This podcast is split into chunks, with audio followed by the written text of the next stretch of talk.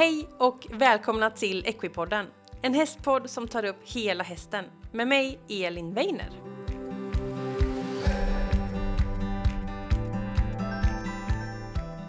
Onsdag idag den 13 december, Lucia och ett nytt avsnitt av Equipodden. Varmt välkommen hit! Och eh, idag så ska vi få lyssna på en jätteintressant person. Vi ska lyssna på Nina Lilja och det som är lite unikt med Nina det är att hon är utbildad tränare i både hoppning, dressyr och fälttävlan. Hon är C-tränare i dressyr och hoppning och B-tränare i fälttävlan. Och vi pratar om likheter mellan våra olika grenar. Det är så lätt att ibland gå in i sin zon och säga jag är hoppryttare, jag är dressyrryttare. Men i det här avsnittet försöker vi bredda den synen lite granna. Och Nina börjar med att berätta om eh, varför hon valde att diplomera sig i alla tre eh, grenarna. Eh, och eh, vi pratar också om hennes roll som tränare, hur hon ser på att vara tränare och det är jätteintressant att lyssna på. Sen pratar vi likheter, hur hänger de här olika grenarna ihop och varför är det fördelaktigt att kanske träna i flera och den här varierade träningen som är så viktig. Vi pratar om balans, vi pratar om hållbarhet och god ridning. Och eh, vi pratar också och ser, finns det några skillnader? Och vad kan vi lära oss av de olika disciplinerna? Så ett jättehärligt och bra avsnitt för eh, dig som rider helt enkelt. Så ja, vi kör igång veckans avsnitt.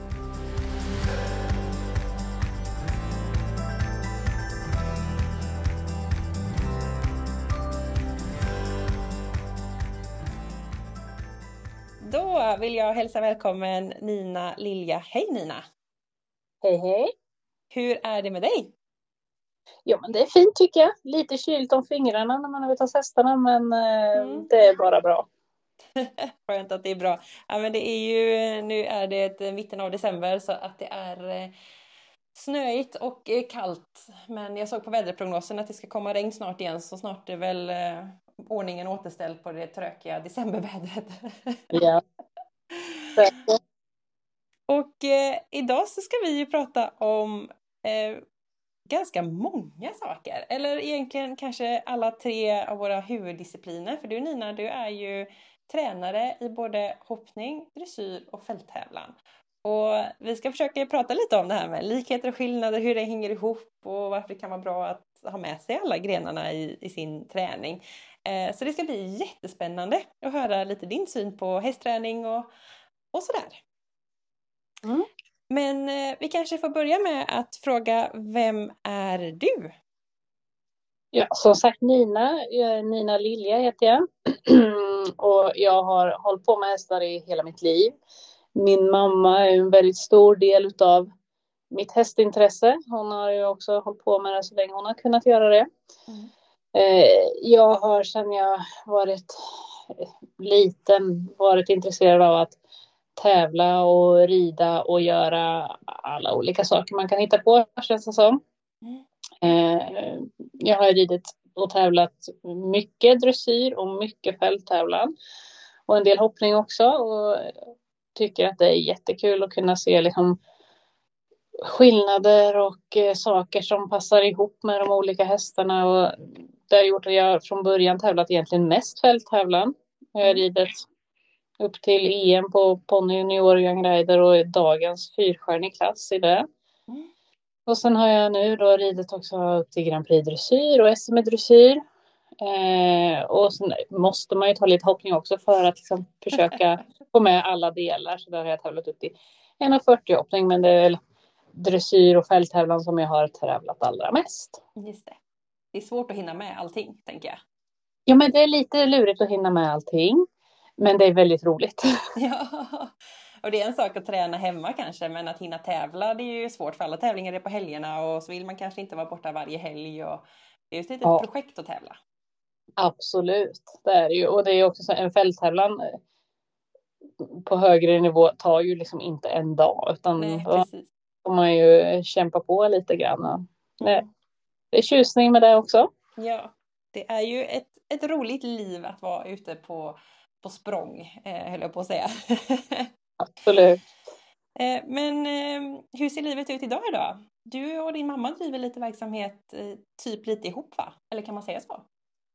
Ja, det kan man ju absolut säga att vi gör ihop. Vi har ett varsitt företag, men eh, mamma Sissi då, hon håller träningar. Hon är ju egentligen pancho, men hon är för nyfiken för att sluta.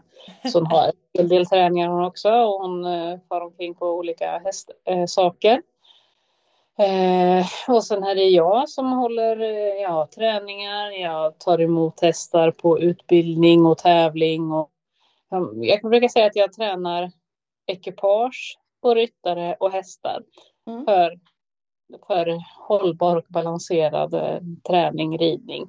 Mm. Eh, sen så har vi ju såklart min pappa och min sambo eh, som också jobbar mycket här hemma på gården. Men eh, pappa har ju inget ridintresse, men min sambo Matteus har ju eh, ridit och tävlat mycket han med. Eh, nu rider han inte så ofta. Han rider regelbundet lektion för mig mm. varannan vecka på en häst som han lånar av en.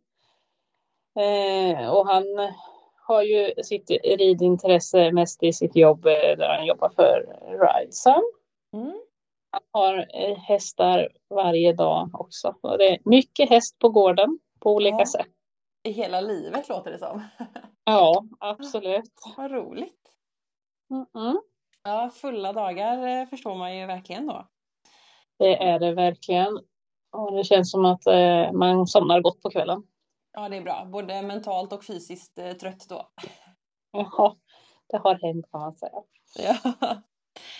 Och Eh, en sak som vi inte har nämnt nu det är ju att du har ju valt att utbilda dig till tränare i alla disciplinerna. För ni får rätta mig om jag har fel här i min research, men du är C-tränare i dressyr, C-tränare i hoppning och B-tränare i fälttävlan. Exakt, så är det. Hur har man hunnit med allt det? Ja, det har ju. Det började ju så här med att jag sökte att få gå C-tränare i alla tre grenar samtidigt. Mm. Och man, när jag gjorde det, då gick man först en grundkurs där alla tre grenarna var tillsammans. Mm. Eh, om jag kommer ihåg rätt så var det väl tre tillfällen under hösten liksom, när man eh, träffades i några dagar och eh, hade mycket praktiskt, eller förlåt, mycket teoretiskt eh, på sal och lite eh, praktiskt också. Mm. För olika eh, duktiga tränare och inspiratörer så. Och sen så delas de här eh, utbildningarna upp på våren, att det var tre tillfällen för hoppning, tre tillfällen för dressyr och tre tillfällen för fälttävlan. Då lyckades jag liksom inte ta alla tre under våren, utan sen spred jag ut dem på några olika år. Mm. Um, jag kommer inte ihåg, jag tror, jag kommer inte ihåg vilket som blev klart först, men jag tror att det var hoppningen. Mm. Och sen så, och det är lite så här, eh, varför hittar man på att man ska gå alla tre? Ja, ja men det känns för att jag kan.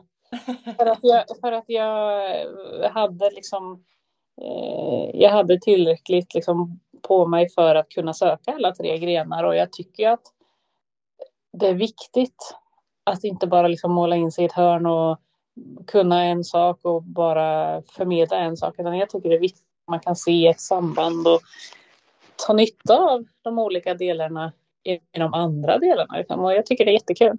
Mm. Att kunna, kunna försöka vara inspirerande till variation. Mm.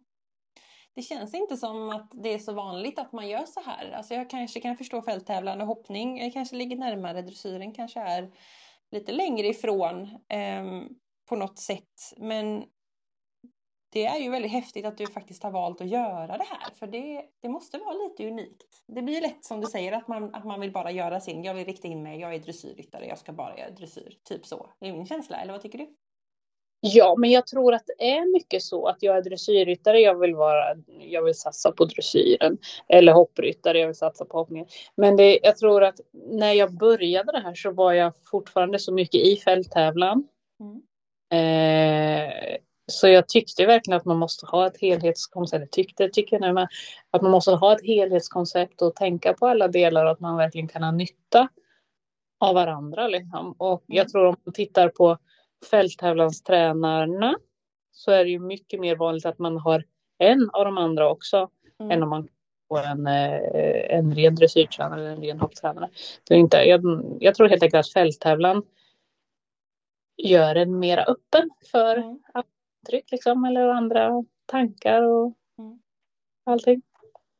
Ja, fälttävlan innehåller ju liksom alla delar så där blir det ju naturligt, eller man blir nästan tvingad till att du måste hålla igång alla grenar på något sätt. Ja, visst. Absolut.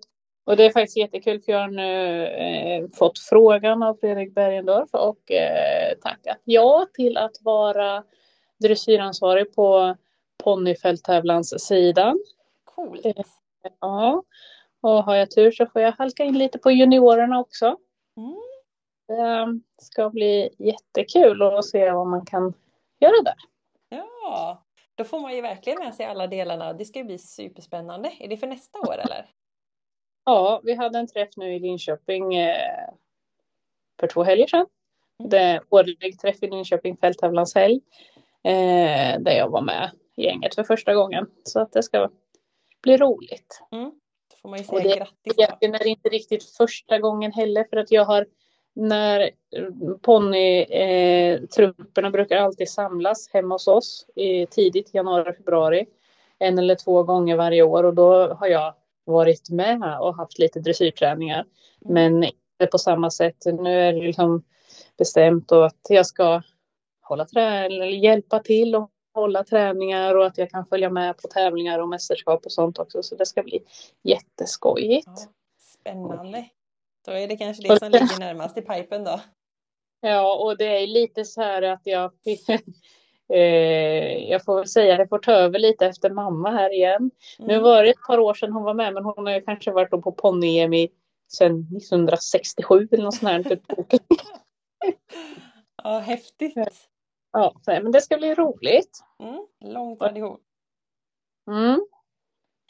Och eh, det är ju lite det som det här avsnittet ska handla om. Vi ska ta oss in lite på det här med att vi ser likheter och skillnader på de här olika grenarna och hur vi kan liksom jobba ihop det för det här med att man kan lära av varandra. Men jag tänker innan vi går in på det så tänkte jag att jag skulle fråga hur du ser på din roll som tränare. För jag förstår att du håller mycket träningar och det är lite spännande eh, arbeten framåt eller uppdrag. Eh, och hur man är som tränare kan ju variera väldigt mycket. Så hur ser du på att vara tränare? Ja, men att vara tränare, det är ju om man tänker så här, det, lära folk att rida, att hantera sin häst när de är i sadeln. Men det är också väldigt viktigt tycker jag liksom att eh, kunna förmedla eh, att man ska ha kul med sin häst. Mm. Att eh, man för att lyckas tror jag är jätteviktigt att man tycker om sin häst. Mm. Eh, det är också jätteroligt tycker jag. Alltså jag har ju elever som är fyra år och jag har elever som är 74 år. Mm. Det är ju fantastiskt tycker jag. Eh, att, att ridsporten är så, vad ska man säga, förlåtande. Alla, alla kan, alla mm. får. Mm. Några är jätteduktiga. De här som är fyra, de kan ju inte dittan och datta, men de är ju väldigt sugna på att få göra nästa sak och få göra nästa sak. Ja, precis. Och att eh, jag tycker att det är en viktig sak att kunna liksom, eh, vad ska man säga, läsa gruppen, känna av gruppen, känna vad förväntar sig det här gänget. Jag har väldigt mycket träning i små grupper. Mm. Och det tycker jag också är en eh, viktig del att kunna, liksom, att man kan få ihop en grupp som passar ihop. Att de kan ha lite gemensamma eh, mål och förväntningar på vad som ska hända idag och vad som ska hända om ett halvår. Att man kan eh, peppa på rätt liksom, sätt. Uh-huh. Jag har ju många elever som tävlar och jag har elever som inte har på tanken att tävla. Mm. Och att kunna liksom få glädje i ridningen oavsett vilken individ man är. Att man försöker liksom kunna eh, peppa på rätt ställe. Liksom. Det, mm. Mm. Jag. Man, ja, man hoppas ju att eleven ska gå ifrån träningen och känna åh, kul jag hade. Mm. Nästa gång, då ska jag. Det är ju viktigt. Ja, och jag tror det är jätteviktigt här liksom att kunna på alla nivåer eh, ja, men inspirera och hitta liksom att det vad som är roligt och att man verkligen kan plocka fram det här var bra idag. Sen måste man ju såklart också se det här hade jag behövt kunna göra bättre och det här var inte alls bra. Eh, men just det där att hitta glädje i ridningen på den nivån ryttaren är tror jag är mm. jätteviktigt. Ja, fint sagt. För det där är ju inte alltid så lätt för det är ju verkligen personkemin och det kräver ju väldigt Ja. mycket av tränaren att läsa av. Det är inte så enkelt. Ja, verkligen. Jag var själv och tränade för Lussan häromdagen. Mm. Och jag kände att hon förtrollade mig och min häst. Wow! Jag, jag, jag kom in och hade med mig min häst som jag tävlar med så B-dressyr på. Så jag gick ut med min Grand Prix-häst. Liksom. Wow! Ja, Det är ju Kan vara sjukt det kan vara en liten bit kvar innan det är Grand Prix-start. Några år eller så. Men bara att hon kunde få mig att växa och känna potentialen i, i min lilla bruna häst. Just det. Att, att Det veta att det finns. liksom. Ja, att man ska kunna liksom boasta så. Det är fantastiskt när det funkar. Ja. Häftigt. Mm. Och jag tänker som tränande elev så är det ju viktigt att känna att, att, man, att man kommer dit. Att man kanske, klart att Lussan är ju en, en egen klass för sig. Ja. Eh, Men att, att välja rätt tränare är ju inte så himla enkelt. Har du något tips på hur man kan tänka när man ska välja tränare? Jag säger att det kanske kommer tre, fyra tränare till ett stall och hur man ska veta vem som kan passa mig. Det är ju jättesvårt och det är också så himla olika vad man tycker. Det finns ju så här, sådana tränare som rider för som jag tycker är jättebra och sen hör jag någon annan som tycker att samma tränare Mm. alls funkar. Och jag tror, jag tror helt enkelt man måste prova och rida och känna efter hur känns det och göra det några gånger och verkligen kunna prata med varandra. Mm. För det är också jättesvårt som tränare om man inte får en dialog. Ja. Om, för, om man har en ny elev som kanske är lite blyg och inte eh, säger någonting. Mm. Så blir man så här, om man försöker prata så får man ja. Mm. Det är ju jättesvårt som tränare då att få en känsla av är hon glad? Tycker hon att jag säger fel? Eh, tar hon åt sig? Ja, det ser ut som att hon gör det jag ber om, men att man inte får någon känsla tillbaka, då blir det ju väldigt svårt Mm. att liksom fortsätta och känna också hur mycket kan man, om man säger gå på och be om mer, eller ska man backa av och vara liksom lite lugnare? Och alltså, det är så himla viktigt att kunna bjuda in till kommunikation. Mm. Eh, och det är klart, en yngre tjej som är lite blyg eller lite nervös eller tänker, åh vad ska den här tränaren tycka om min häst? Och så, Mm. Då kan det ju vara svårt att liksom bryta den barriären, vad man ska säga. Mm. Men kommunikation, en tvåvägskommunikation är så viktig i träning tycker jag. Mm. Det betyder inte att man ska babbla fram och tillbaka hela tiden för då tror jag att man lite tappar spåret. Men väldigt viktigt att man kan prata under, under träningens gång. Liksom.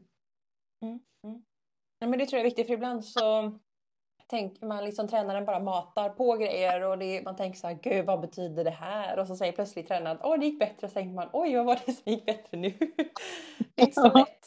Eller hur? Nej. Vi har en tjej som har praktik hemma hos oss nu och jag tycker det har hänt jättemycket. Hon går på ett naturbruksgymnasium. Mm. Eh, jag tycker det har hänt jättemycket. Hon har varit här snart i fem veckor. Och så känns det inte mycket enklare nu? Mm. Alltså, du vet, jag känner ingen skillnad. Och Min lärare hemma säger också då att du får väl känna efter lite. Man bara, ja, du får väl känna efter lite. Ja. Och Jag tror i sådana lägen tror jag att hon eh, vågar inte känna efter för att hon är rädd för att hon inte känner rätt. Mm, mm. Det finns så många saker i en tränarroll som är svåra men samtidigt väldigt inspirerande. Jag vill ju bara att hon, den här tjejen, ska säga ja men det här kändes enklare eller det här kändes... Det, det spelar ingen roll om hon säger att det är enklare eller svårare eller bättre eller sämre. Bara våga säga någonting och så kan man bolla det fram och tillbaka. Och förhoppningsvis kunna liksom vägleda eller guida eh, till att hon ska få en mer förståelse för vad hon känner. Ja, just det. Ja, intressant. Eh, att våga stanna upp och faktiskt känna efter och göra en analys är ju jätteviktigt. Ja, och att man kanske kan eh, göra det nu, inte när lektionen är färdig, utan eh, faktiskt för då har man nog tappat känslan för hur, hur det kändes då och hur jag kan formulera den känslan. Jag tror att man eller något måste ta det nu och här. Liksom. Mm. Mm. Ja, superspännande. Ser du, eller, ser du olika på din roll som tränare i de olika disciplinerna? Om du håller en dressyrträning, hopptävling eller en, en träning på terrängbanan? Liksom? Alltså jag tycker, nej, det är klart att man gör ju olika saker och sådär. Men jag tycker ledmotivet i träningen tycker jag ska vara att man kan rida hästen i rytm och balans. Mm. Har också egen fokus på att man själv håller sin balans. Mm. Eh, och eh, det, alltså det är så... Det, jag tycker det är en sån fröjd när man ser att oh, titta där hittar hon tajmingen, hittar rytmen och att man kan variera och hålla balansen. Och jag har jättemycket träningar, bomträningar. Det är mestadels travbommar men också galoppbommar på marken och upphöjt och böjda spår och kort och långt. Och, liksom, och det har jag liksom, kanske, men, vi har intensiv bomdag på torsdagen. Då kanske jag har fem grupper med bomträning. Mm. Och det tycker, då är det också skojigt tycker jag för då är det dressyrtanten som är på, hon tycker nästan att hon är på hopplektion för hon har galopperat över en upphöjd hopp. Ja. Medan ponnyryttaren tycker att hon är på dressyrlektion, ja. alltså hoppponnyryttaren. Hon är på dressyrlektion. Oh, var tvungen att stoppa ner i sadeln. Men de rider i samma lektion. Mm. Eh, och de ser det så olika men det är också väldigt, väldigt kul tycker jag eh, när man står på marken och ser hur ekipagen förändras bara på ett träningstillfälle. Mm. Men för ofta, alltså jag har ju då mina standardelever som kommer ofta. Eller som mm. kommer, jag, jag har, vårt system här är egentligen som en ridskola att du bokar din tid. Säg att du har måndagar klockan 18 varje vecka och så kommer du fast du har med dig din egen häst och så rider man i en liten grupp. Och se de här som rider, rider varje vecka, man jobbar med bommar, som gör alla bomövningar enkelt. Mm. Och eh, sen kommer det någon ny elev som plötsligt då tycker att det är jättesvårt, någon speciell sväng som vi brukar göra i gruppen. Och man ser hur, hur häst och ryttare tar åt sig bara på ett pass. Mm. Hur tajm och tempo och steglängd eh, verkligen kan ändra sig. Mm. Sen brukar jag ha, om man tänker så här, mellandagarna och någon gång här på sommaren så här, ha liksom lite, eh, vad ska man säga, men alltså man bjuder in och verkligen säger välkomna på bomträning, jag kör hela den här dagen. Mm. Då kommer det många som kommer kanske en eller två gånger om året och bara åh vad roligt att vara med på. Och det är ju jätte, jätteskoj för då ser man ju också verkligen många kommer in och säger ja, min häst är så dålig på bommar. mm. Kan ju vara kanske att man rider i fel tempo eller så. Vi får se. Och så kommer de då i full fart in och bommarna slår i alla bommar. Och bara mm. man ändra tempot man rider i. När man har lyckats ändra tempot så kan man ändra steglängden och sen så plötsligt så är hästen jätteduktig på bommar. Och, det, och då upplever ju oftast ryttaren också att alltså, oh, gud vad duktig min häst var. Man bara ja, eller så var det för att du minskade farten lite. Ja, precis. Och det är väldigt kul att se tycker jag, liksom det här att när ryttaren plötsligt börjar tänka mera på det, hur hästen också kommer tillbaka och anpassar sig och egentligen hinner akta sig från bommarna, vilket den inte hann förut för att det gick så himla fort eller så långa steg in. Det är ju jättekul att se på hur man kan ändra både ryttare och hästar med små saker. Ja, och som sagt jobba med bommar både mina egna hästar och hästar jag har på träning och ekipagen kommer hit och tränar och så. Och även så brukar mina egna hästar få jobba antingen på longerlina eller på tömkörning med bommar. Och det tycker jag också blir väldigt bra träning för hästens koordination och timing och blir ju också bra styrkejobb och det tycker jag är bra komplement både för dressyr och hoppning och, och fälttävlan också såklart.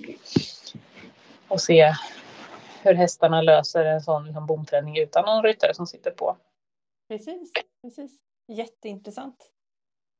Eh, och vi börjar ju smyga in lite på det här med de här olika disciplinerna då, då med eh, som du sa, dressyrryttaren är på hoppträning och ponnyhopparyttaren är på dressyrträning. Mm. Så om man ska liksom ta sig in lite grann, om vi börjar med att titta på, men vad ser du för likheter mellan de här tre disciplinerna som är ändå, ja, men man kan väl säga våra huvuddiscipliner i den svenska ridsporten. Vad, vad är det för likheter? Hur hänger de ihop? Alltså det är ju mycket med eh, rytm och balans och precision. Och det är, jag brukar säga att för man vill vara tydlig mot mindre barn som inte håller i tygen, hästen vinglar omkring. Så du måste hålla i tygen och du måste ha skänken in till. Och det är lika viktigt här när du gör en volt att den börjar och slutar på rätt ställe. Precis som att du kommer mitt på hindret när du hoppar. Eller att du faktiskt när du är hemma och rider ut kommer hem till dig och inte kommer hem till grannen istället för att du inte styr ordentligt. Alltså bara hitta sitt spår. Eh, och liksom känna att man verkligen kan ha hästen mellan hjälperna. Det är ju så viktigt vad du än, vad du än ska göra. Mm. Och jag brukar också känna det här med att kunna variera tempo, steglängd och liksom trycket i dem. Om man tänker liksom, i, i galopp, dressyr, så ska du kunna i, i Grand Prix, du ska kunna rida ökad galopp. Du ska kunna göra piruetter och du ska kunna byta galopp i varje språng. Det är ju som att du gör ökad galopp mest framåt och sen går du till piruetter där du måste samla hästen jättemycket. Mm. Hoppningen ska du ju kunna det blir otroligt mycket samling och tryck på bakbenen. Hästen ska liksom sättas och hoppa, liksom göra att den trycker upp i språnget. Eller att du ska göra en snäv sväng i omhoppningen. Eller att du har stora galopp som man ska galoppera på. Kanske om du har en lång sträcka till sista hindret i omhoppningen. Mm man ser på hur det är i terrängen. Du ska kunna galoppera i kanske 700 meters tempo ute på en lång gräsväg och sen kunna komma ta tillbaka och få hästen i, i balans till ett nerhopp i vatten. Mm. Det här att kunna variera och behålla balansen och behålla rytmen är ju så viktigt i alla de här momenten. Mm. Mm. Det är också med din egen balans till häst.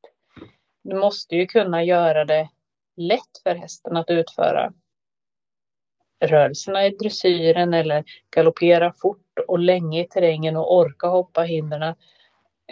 Eller kunna hålla ihop en hel hoppbana. Mm. Så liksom, verkligen tror jag jätteviktigt när man rider att alltid tänka på att jobba med sin egen balans för att kunna ha ett helt ekipage i balans. Just det. Men i mina öron låter det här ju ganska mycket dressyrigt, eller?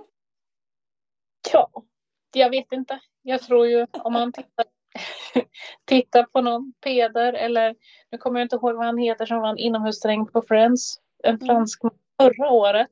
Jag vet inte om han vann i år igen. Mm. Han rider runt hela inomhussträngen på lång tygel. I perfekt balans hela tiden. Eller Coolt. Ja, nej, alltså balansen är så väldigt viktig. Ja, det är ju allt du gör.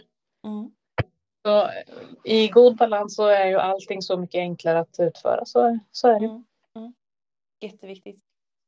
Och mm. vad ser du för liksom, andra likheter mellan grenarna? Vi sa balans, eh, vi sa liksom kunna känna eh, liksom kunna samla sig, kunna variera tempo och takt. Är det något annat som du tycker är likt med grenarna? Ja. Alltså, jag tycker att balans och rytm är så väsentligt och jätteviktigt i allt. Och sen så är det liksom att ta nytta av de olika grenarna och variera träningen för sin häst. Mm. Det tror jag också gör att man har en glad häst. Just det.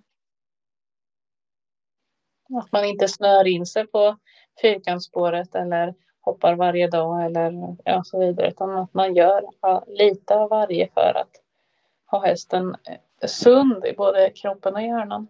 Just det. Det är nog väldigt viktigt. Det är ju lite olika muskler ändå och lite olika vinklar på grejer. Så det, mm. det blir ju en mångsidig träning. Ja, absolut. Och så är det såklart skillnad på hur en häst behöver galoppera om den ska göra Eh, snett igenom ökad galopp som sin största sträckning av galoppen eller om den ska galoppera eh, fort ute i skogen. Men att mm. kunna man, man, behöver inte gå till den extrema i, i sin grundtänk. Men ändå liksom känna att man nosar lite mot kanterna på vad jag tänker på. Vad behöver min häst som mest och som i sådana saker. Det är bra tänkt, för det är ändå lite olika. Man har ju sett eh, liksom fälttävlan eh, typ i England någonstans när de verkligen tar de här långa sträckorna och de får upp ett sånt jäkla streck alltså. Ja. Och då står ryttaren upp mm. i fin balans och stör hästen så lite som möjligt. Liksom. Mm. Och så, måste den ju kunna komma ner i sadeln och liksom få ihop sin häst igen till ett, ett hinderkomplex. Och då är det fortfarande som att även när den kommer ner i sadeln och behöver ta tillbaka sin häst så är ju balansen om igen så viktig. Ja. Kommer tillbaka till den hela tiden. Mm. yeah. Och vad ser du för olikheter då mellan de olika grenarna? Ja, men, jag tycker egentligen eh, om man, eftersom jag är så mycket, liksom, så mycket i grunden fälttävlan så tycker jag att de hänger ihop hela vägen. Mm. Och eh, jag tycker det är lite, det är ju uppenbara skillnader på att en hopphäst behöver inte gå med huvudet på samma sätt eller med samma eh, nacke, hals, huvud eh, som en dressyrhäst behöver göra när den gör sin nästa samling. Mm. Eh, titta på när hästen hoppar av till hindret och hur den eh, använder sina bakben när man gör en piruett så är det ganska likt i bakdelen. Mm. Men fram helt annat. Mm. Och eh, det är egentligen formen är ju en stor skillnad på hur man, vad man begär av hästen när den ska vara dressyrhäst eller om den ska hoppa eller gå terräng. Mm. Eh, men det är fortfarande, jag kommer tillbaka till det i alla fall, för hur, den än, hur formen man än vill ha så vill man ju ändå ha den i balans där också. Yeah. Yeah. Så det är ju den största skillnaden tycker jag. Och sen så är det ju liksom att, eh, ja, nu vet jag inte vad jag ska säga. Nej, det är inte så enkelt alla gånger. Men det man kommer fram till är väl att det egentligen inte är så mycket olika som man heter som man kan tro. Nej, det är, det är ju uppenbar skillnad man hoppar eller man hoppar inte, men det är ju ändå så mycket grundridning i allting. Mm, precis. Jag ska nu på här tränarfortbildning och då är det temat grundridning. Mm. Hoppning. Så det, är ju, det kommer ju vara där igen. Mm. Alltid kommer ja. man tillbaka till den där grundridningen. Visst. Det är ingen idé att fuska.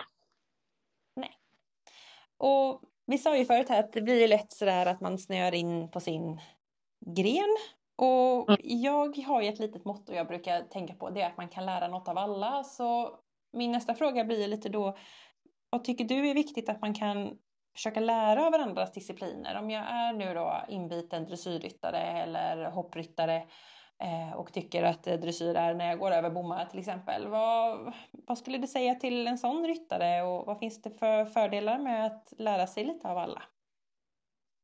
Men jag tror fördelarna att lära sig lite av alla, jag tror framför allt för den yngre ryttaren mm. så är det jätteviktigt är liksom att först, få förståelse för en ökad ridbarhet.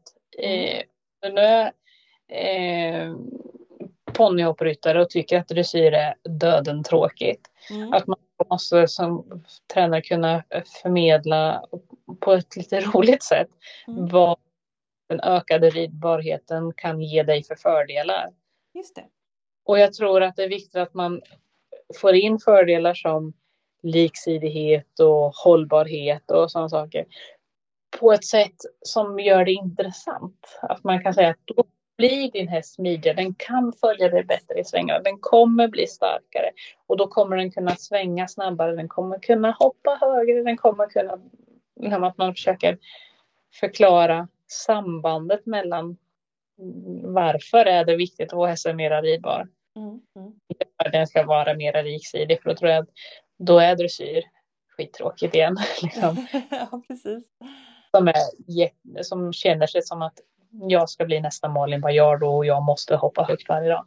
Mm. Jag tror inte att, eh, jag har ingen aning, men jag tror inte att Malin Baryard hoppar högt varje dag. Nej, det tror inte jag heller. Nej, men liksom att man försöker kunna förmedla varför är det viktigt att få hästen varierat tränat för att få den liksom, ja men som jag sa, liksidig och smidig och stark och avspänd. Mm, mm. Ja, och det där är ju ganska svåra saker egentligen att förklara. Eh, liksom så här, men vad, om man är en ung ryttare till exempel, men vad är en liksidig häst? Det finns säkert många eh, äldre ryttare också som kanske aldrig riktigt ridit en liksidig häst eller eh, ja. hittat balans. För det är ju inga enkla saker, det är ännu svårare att förmedla. Eh, mm. liksom. Och särskilt så här om man har en ryttare som som man har följt länge men den, om, man, om man får säga så kanske haft lite tråkiga hästar. Mm. Aldrig har fått känna hur det känns när hästen faktiskt blir mjuk i kroppen för det är en häst som har det lite jobbigt. Liksom. Mm. Eh, och det är så viktigt tror jag att man som ryttare får känna känslan vad söker man efter. Mm. Mm. Eh, jag, tänk om alla kunde få sitta upp och rida på, på en häst som faktiskt som man själv upplever är mjuk och liksidig. Mm. Och, och få känna känslan och säga mm, så här skulle jag vilja att min häst blir. Mm. det är inte så himla enkelt att liksom, hitta den lösningen. Men det, jag tror många skulle behöva rida fler hästar än sin egen häst. För att olikheter och eh, positiva saker och negativa saker och så vidare. Jag tycker många säger att han blir så stark. ja, det kanske han blir, men då måste man ju kanske rida för att lösa det och då, då är det ju mer liksom att kunna få hästen liksidig och lösgjord och avspänd så kommer den säkert inte vara lika stark längre. Eller hur håller man i den och vad, hur mycket använder man skänken och så vidare. Liksom, det är så många delar. Ja, precis. Och där kommer du in lite på det där igen då. Vi pratade förut med kommunikation och förståelse. Att, att förstå vad, vad någonting är och förstå samband med att ja, men om min häst hänger i min ena tygel så betyder det antagligen att det är något annat, att den inte är liksidig då i kroppen. Eh, mm. Att liksom förstå sambandet där är ju väldigt viktigt. Ja, verkligen. Jag har, jag har en tjej som är inackorderad här hemma hos oss som jag har träning för en dag i veckan minst. Eh, och vi höll på här i måndags hon tävlar med så dressyr. Eh, duktig tycker jag, rar mm. tjej som vill hästens bästa liksom. Mm. Och höll vi på att hon skulle kunna rida öppna på medellinjen. Och hästen gick inte mycket, men den gick till vänster hela vägen. Så när de väl hade ridit hela medellinjen kanske de var två meter vid sidan av medellinjen. Och det, jag tycker att jag har pratat om på många sätt, väldigt många gånger. Mm. Måndags kändes som att vi kom fram till någonting. Hon förstod vad jag menade, hon kände vad som hände och hon hittade en lösning. Mm. Och då upptäckte man att hästen gick då fram mycket bättre till yttertygen när vi hade kommit igenom det här. Yes. Då kände jag bara yes, där satt han.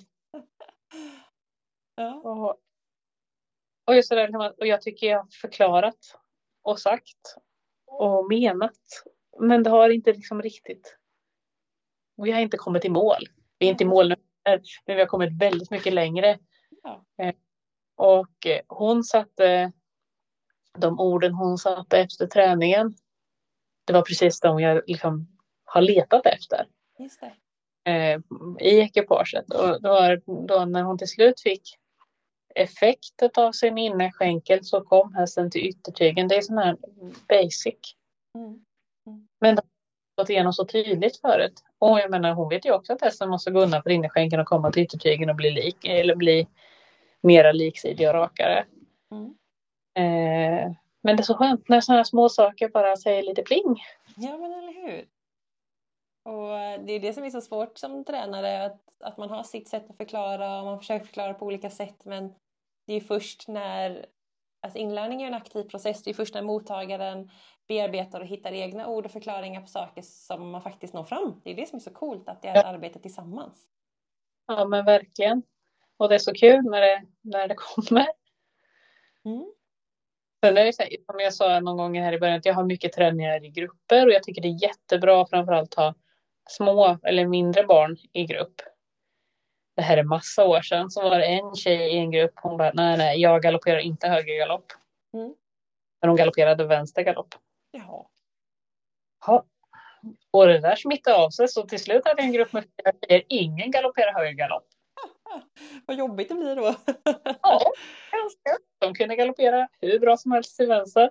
Och jag försökte så här. Ja, men vi bytte varv mycket och sen så sa jag ju inte att de skulle komma fram i höger eller vänster galopp och sen så här. Ja, kommer ni fram i galopp och så byter vi varv och så kommer ni fram i galopp och sen bara så fort jag gör höger varv bara tvärnit. Nej, nej, nej, inte höger galopp. Vad spännande. Ja, så höll de på så kanske en månad. Mm. Gick det med höger galopp. Vad konstigt. Ja, och så just att det smittade för de andra hade ju till höger galopp innan. Mm. Mm. Men nopp. Hon fick med hela gruppen. Det var negativt grupptryck kan man säga. Ja, det, det, det, så kan det också bli faktiskt. Ja. Då får man eh, hålla koll. Mm. Ehm, men alltså, en sak som jag funderar lite på det är ju att ibland så rutar man ju in sig då som sagt att man säger att man är eh, på ett sätt och man, man rider sin gren och då är det ofta så att man kanske bara tränar för den, en tränare. Ehm, men finns det fördelar eller har du varit med om att man till exempel har ett problem som kan vara svårt att lösa men sen när man säger att man är dressyrryttare och har ett problem och så tar man fram eh, bommar eller något litet hinder och då kanske problemet försvinner. Kan det också finnas sådana exempel? Ja, men det tycker jag absolut. Ta fram en, om en häst som har svårt att byta galopp så kan man som ett liksom, exempel bara känna att man kan få hjälp av att byta över en bom. Mm. Men jag tycker att man kan många gånger på en eh, dressyrhäst eh, med bommar eller små hinder få en häst som kanske släpper till mer i kroppen och blir mjukare. Om den blir mjukare för att den blir eh, mentalt eller fysiskt mera avspänd eller lösgjord. Mm. Jag vet inte. Eller kanske att den bara tycker det är lite roligare när den fått göra något annat. Men jag tycker, tycker jag flera gånger liksom har träffat på att man att dressyrhästen blir mjukare när den har fått hopp. Det. Mm. Absolut är bra. Och det är det här med att, att jobba med lydnad och smidighet egentligen med hopphästen. Att man faktiskt gör dressyrpass också. Mm. Eh, såklart så gör ju det skillnad i hoppningen med. Mm. En häst som är jättespringig när man hoppar, om man sätter sig och trimmar dressyr och är petig med övergångar så såklart kommer ju det också bli bättre. Ja men verkligen. Och då är ju min nästa fråga då för att vi lägger så mycket tid och så mycket pengar på våra hästar och vi vill så väl. Och ehm, det är ju, ja det tar ju mycket tid som sagt. Och är det så att du tycker att det är bra att försöka träna för olika tränare eller räcker det att variera sig att jag är dressyrryttare då igen då om jag gått till mig själv? Att, att det räcker för mig att kanske hemma ibland försöka göra lite bommar eller eh, hänga på någon som ska göra några små skutt? Eller behöver man också träna för en hopptränare ibland och inte bara för min dressyrtränare? Jag tror, jag tror inte att man behöver eh, också ha en hopptränare. Men jag tycker att det är viktigt att man kan ha input från någon mer ibland. Mm. Än att bara är hos sin ordinarie tränare. Och där tror jag också det är viktigt att man med sin ordinarie tränare kan ha en dialog om att jag tänkte testa och träna för den här personen. Vad tycker du om det? En Mm. del blir kanten, men jag tycker det är eh, ett bra komplement man kan få att den andra tränaren egentligen tycker precis samma sak men säger det på ett annat sätt. Ja, Man- aha-upplevelse. Jag har ju min egen eh, chefstränare i min mamma. Ja. Jag tycker hon är jättebra. Sen tränar jag för eh, Bo Genå, kommer hit hem till oss. Han har verkligen eh, pushat på mig att, liksom, att det skulle bli Grand Prix, att jag skulle kunna rida hästen med dressyr. Och liksom, eh, han liksom har sparkat upp mig, tycker jag. Och sen som sagt där så har jag ridit för Lussan och hon har också varit jättebra liksom boost. Men jag tränar för min mamma allra mest. Mm. Mm. Utan henne skulle det inte gå. Mm. Men de andra två hade jag inte alls kommit så högt i mm. dressyren. Mm. Eh, jag tycker att eh, som en inbiten dressyrryttare och eh, har sin dressyrtränare, det är inget måste att man måste åka och ha en hopptränare. Men det är nyttigt att ha någon annan än sin ordinarie tränare som tittar på en någon gång mm. ibland. Men det tror jag också är jätteviktigt. Det är så lätt och man blir också så lojal mot sin tränare och, och vill ha samma, man får liksom en relation.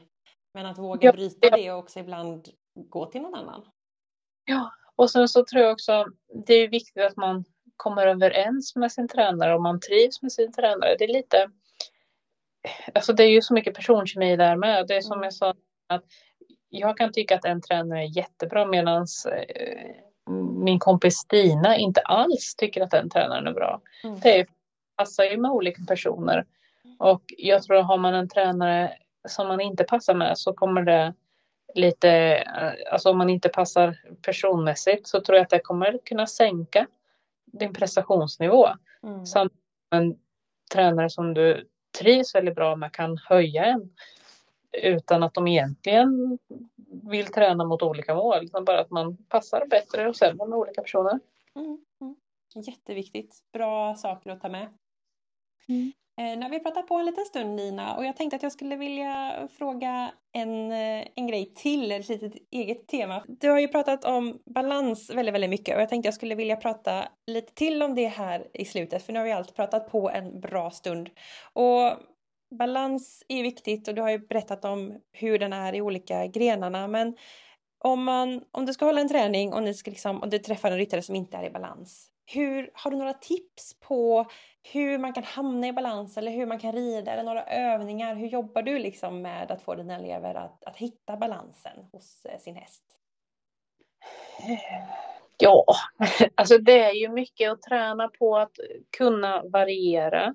Mm. Både öka och minska, men också variera med att rida på raka spår och böjda spår och kunna göra skänkelvikningar och som, försöka i de olika lägena, både framåt och bakåt, åt sidan och volt, känna, försöka känna att man är mitt över hästen och eh, mycket, mycket variationer. Och sen tycker jag också man kan gärna träna på att men, rida utan stigbyglar. Mm. En del tycker att det är förfärligt, en del tycker att det är enkelt. Mm. Men är ett bra komplement. Mm. Eh, också att träna sig på att kunna rida och variera hästen i lätt sits. Alltså, och då tycker jag inte så här rumpan en centimeter ur sadeln utan att man står upp en bit upp liksom, och känner att man också kan eh, ha kvar en bra kommunikation med hästen även om man står upp. Mm. Um, och ja, men som jag sa, det, utan stigbyglar, det ser man ibland. Om man tar bort stigbyglarna. Så en, en ryttare som sitter lite snett. Mm. Vi sitter kanske jättesnett utan stigbyglar. Mm. Då är det lite mer uppenbart för ryttaren att jag håller på att halka, halka av här till höger. Ja, för sidan. Där stigbyglarna är lite räddare än annars. Mm. Eh, och det, jag tror det är viktigt att man kan hitta, eh, för att träna balansen måste man hitta vart blir den här ryttaren medveten om sin snedhet. Alla är vi ju sneda. Mm. Mm. Och höger, vänster, höger och vänsterhänta och så vidare. Men att man försöker göra det uppenbart för ryttaren. Oj, här var jag på sidan av. Mm. För man upplever ju själv, eh, man, man vill ju, man själv och kroppen och hjärnan vill ju optimera sin balans mm. automatiskt. Men det är ju ofta en falsk balans för att man är ju inte 100% rak i kroppen. Man är ju inte liksidig själv. Nej, precis. Så man upplever att man är i balans för man kompenserar ju kroppen åt olika håll för att det ska kännas som man är i balans. Mm. Och eh, då tror jag att det är viktigt att man kan liksom eh, på något, eller liksom på enkelt sätt göra det tydligt för ryttaren att ja, men jag hänger ute på höger sida eller jag viker mig, si och så. Och vi brukar ha också mycket eh, när vi har läger eller kurser och vi har lite så här, vi kallar att vi har en miniklinik, vem som helst att komma. Då brukar jag rida och eh, mamma prata. Eh, och då tittar vi mycket på sits och balans och visar skillnader och det tycker alla ser jätteroligt ut. Om jag och rider först, där jag upplever det rakt, som jag hoppas är ganska god grundsits. Eh, och sen så ska man visa hur det blir om man tar fram ena axeln eller om man viker sig i sidan eller om man skjuter ut höften eller om man har stigbyggen för långt in på tån och foten långt fram. Att man kan så här visa, här sitter jag så bra jag kan, här sitter jag fel på det här sättet. Det blir också väldigt tydligt för de som sitter på läktaren. Mm. Nej men gud, det ser ut. Men så säger man också, gå ut och ställ dig på en framridning där du ser många som rider på en lokal tävling. Mm, Hur många sitter inte på de här olika sätten? Mm. Eh, och det brukar göra en väldig skillnad på hur de sitter nästa dag när de kommer och rider. Mm. Eh, jag tror att man behöver både känna och se och höra. Mm. Kunna ta åt sig. Mm. Och höra och känna samtidigt. Mm. Se och höra samtidigt. Jag tror det, man måste liksom både få den här synen och känslan för hur ser det ut och vad är det och vad är det som gör det här. Och det tror jag är en viktig del. Att kunna liksom sätta ihop allting. Och jag tror att det är väldigt svårt att bara prata till eh, balans. Det måste verkligen vara en känsla också. Ja, verkligen. Mm. Spännande. Kul att få höra lite tankar om balans också och vikten som du säger att, att känna och se och, och, koppla ihop det. Det är ju och det är inte så enkelt. Det är inte lätt att rida inser man ju när man, eh, när man börjar grotta lite i, i det hela. Nej, det är ju inte det. Nej. Faktiskt.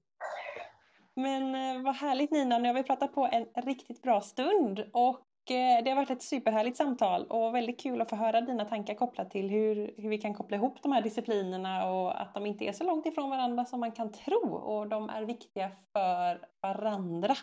Eh, det känns jättekul. Så om man tyckte att det här var intressant och skulle vilja följa dig eller höra av sig till dig, hur kan man göra då? Ja, men man kan mejla mig, det är ju jättesmidigt.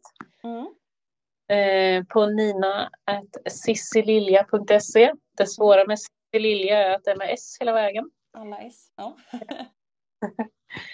eh, det är ett bra sätt, mm. tycker jag.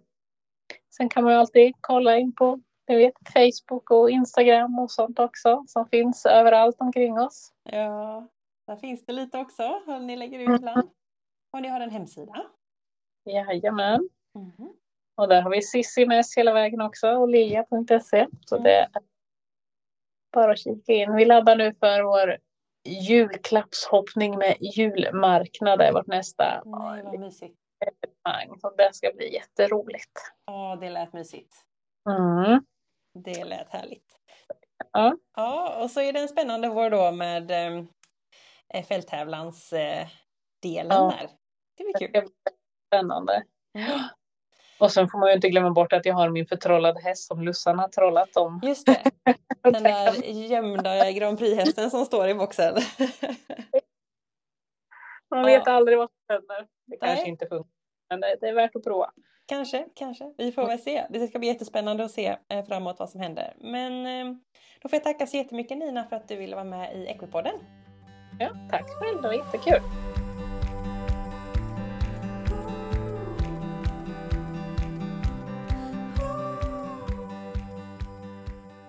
Ja, ett så härligt avsnitt till ända. Stort tack Nina för att du vill vara med i Equipodden. Och ett så spännande tema. Viktigt att lyfta. Varierad träning hör vi en del om i podden, så här fick vi lite mer kött på benen av Nina. Och eh, om man nu är inne på sociala medier så kan jag tipsa om att följa Equipodden på Instagram och Facebook för att se lite annat roligt som jag hittar på ibland. Och Eh, nästa vecka är sista avsnittet innan det är dags för lite julledighet och då är det fälttävlan på tema. Så eh, missa inte det! Och eh, ja, som jag alltid säger, ha en härlig vecka så hörs vi snart igen. Hej då!